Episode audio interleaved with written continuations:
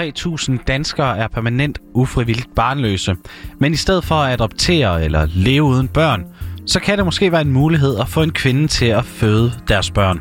Men det er altså svært at være rumor i Danmark. Reglerne de er meget uklare, og der er ikke meget hjælp at hente i sundhedsvæsenet. Nu skal et nyt forskningsprojekt dog undersøge, hvor mange som reelt set ønsker en rumor. Men bør man overhovedet ændre på reglerne? Det undersøger vi i denne udgave af Indsigt. I efteråret fødte Mia Amalie Schmidt Olsen et barn for sine gode venner. Det er et homoseksuelt par, og Mia Amalie havde været ven med den ene siden børnehaveklassen, og derfor så gik hun med til at være deres rumor.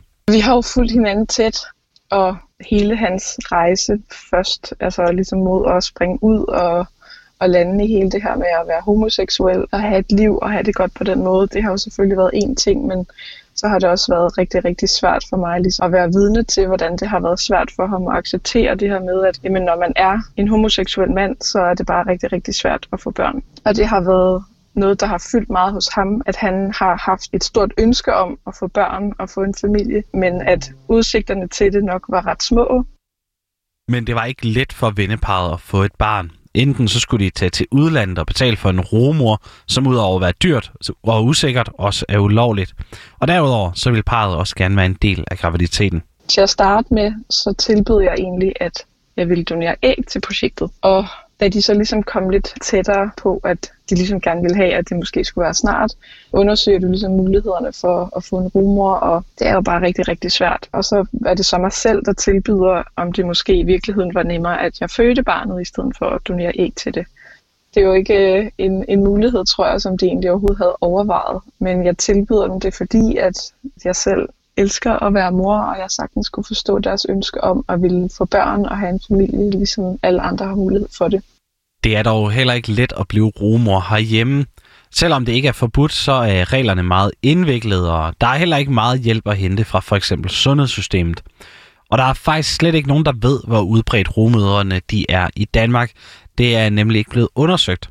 Men det skal der nu laves om på. Der skal laves et helt nyt forskningsstudie, som kan danne rammen om også at se på den lovgivning, der gælder for rummøder. Det er Malene Tanrup Sørensen, der er reservelæge og en del af forskerteam på Fertilitetsklinikken på Regionshospitalet i Skive, som nu skal lave et phd studie i rumorskab. Det er jo et, et enormt skyggefelt. Øh, vi kender det jo kun øh, fra medierne som enkelt cases, men vi aner faktisk øh, meget lidt om det. Vi har øh, kvalitative studier, øh, der belyser enkle dele af rumorskab, men vi ved faktisk ikke, hvordan det egentlig foregår i Danmark. Så at, at belyse rumorskab i, øh, hvad, hvad giver det af problematikker, øh, både øh, etisk, men også rent praktisk i Danmark? Projektet det er blevet til ved hjælp af en bevilling fra Danmarks Frie Forskningsfond på knap 3 millioner kroner. Og Malene Tanderup Sørensen, hun håber altså på, at projektet kan kaste mere lys over området, og på den måde også sikre en revision af den lovgivning fra 80'erne, som ligger grund til meget af det, der gælder for rogemøderne. Så er det også svært at finde ud af, hvor stort er behovet. Når vi har lavet et estimat på, hvor mange af det, der bliver permanent ufrivilligt barnløse i Danmark om året, så er det måske en 2-3.000. Men når vi ser på, hvor mange bruger så en rumor i udlandet, der er tallene omkring 150. Så øh, afspejler det, at folk ikke bevæger sig ud i rumorskab, eller afspejler det, at de tal, at de ikke spørger nogen om hjælp i det, når de først bevæger sig ud i det, og hvor meget er der af traditionelt rumorskab i Danmark? Vi må jo i hvert fald konstatere, at der er en del, vi selv kender fra fertilitetsklinikken, som det jo ikke lykkes at gøre gravid. Og hvad er det så egentlig, vi stiller dem i bagefter? Og hun har allerede nu et bud på, hvordan tallene ser ud. Jeg har da en hypotese om, at, at behovet er langt større. At hvis det var muligt i Danmark, var der flere end 150, der vil benytte sig af det. Det er da en klar begrænsning, at øh, man skal bruge en udenlandsk rumor, fordi det kræver, at du har en rigtig stor økonomi. Det kræver også, at du er ressourcestærk, både psykisk og økonomisk, og at du har øh, modet og tiden til at, at springe ud i det, for det tager virkelig lang tid, og det er meget kompliceret.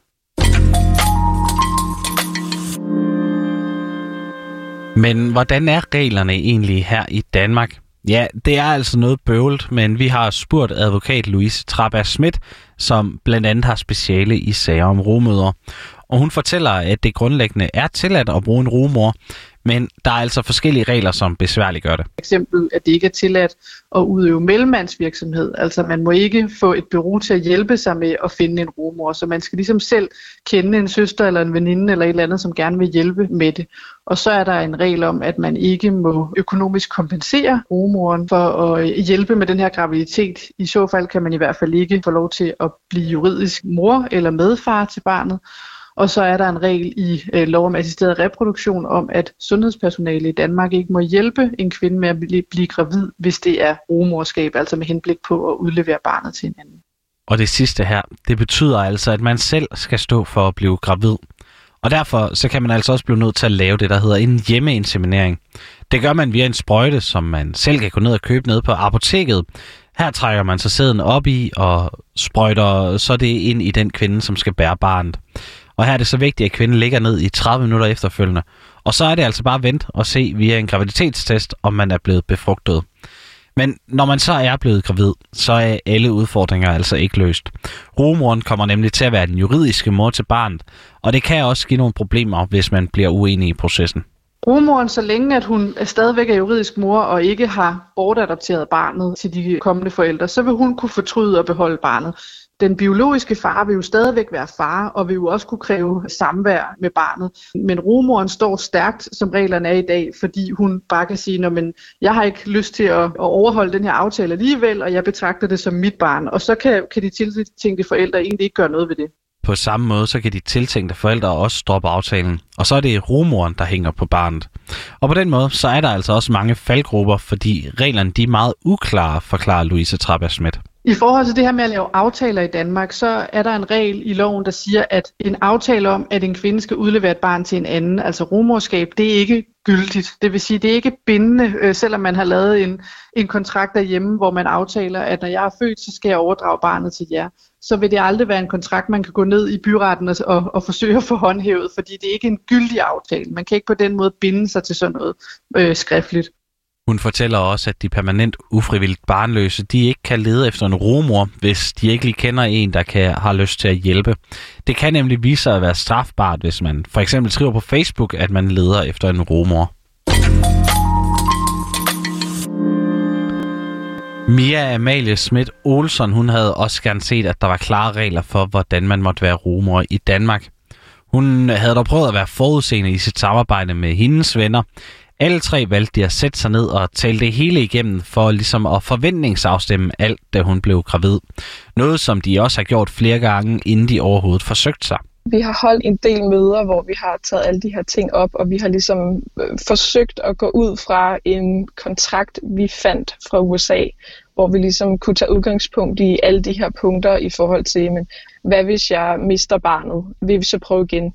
Hvad hvis barnet er misdannet? Skal barnet så fjernes, eller vil vi afslutte graviditeten? Og hvad hvis jeg øh, ikke går i gang naturligt? Vil vi så i gang sætte fødslen? Og hvad gør vi med, med mælk til baby? Øh, hvordan vil vi gribe det an? Øh, så alle de ting har vi talt om inden og været enige om, og det har jo været en ret stor hjælp i forhold til hele processen og hele graviditeten selvom de havde forsøgt sig at forberede sig så meget som overhovedet muligt, så var der altså stadig ting, de ikke havde tænkt på.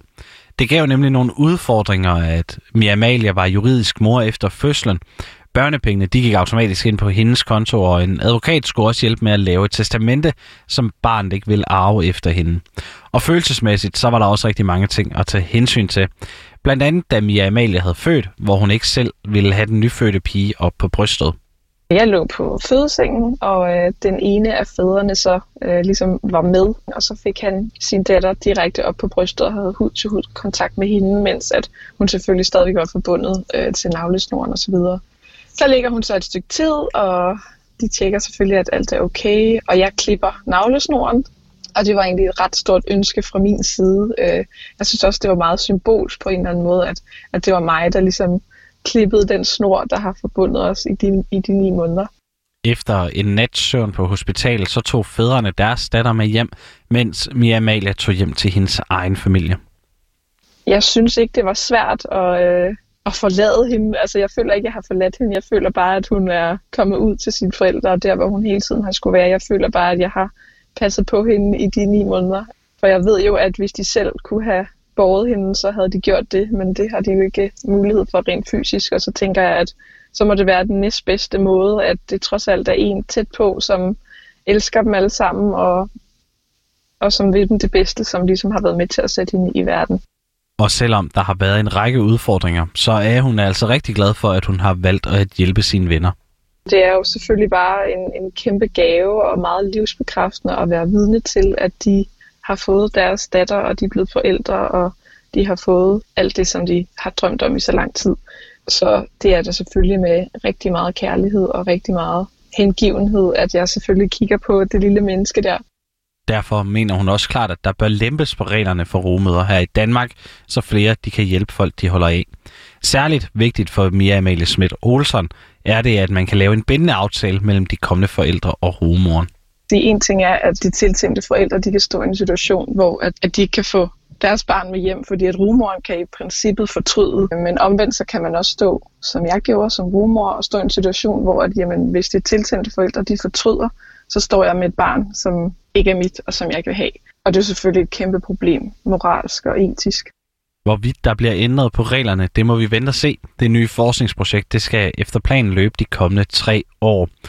Og med det, så nåede vi også inde på denne udgave af Indsigt. Den var lavet af Rasen El Nakib og mig. Mit navn det er Tobias Hegård.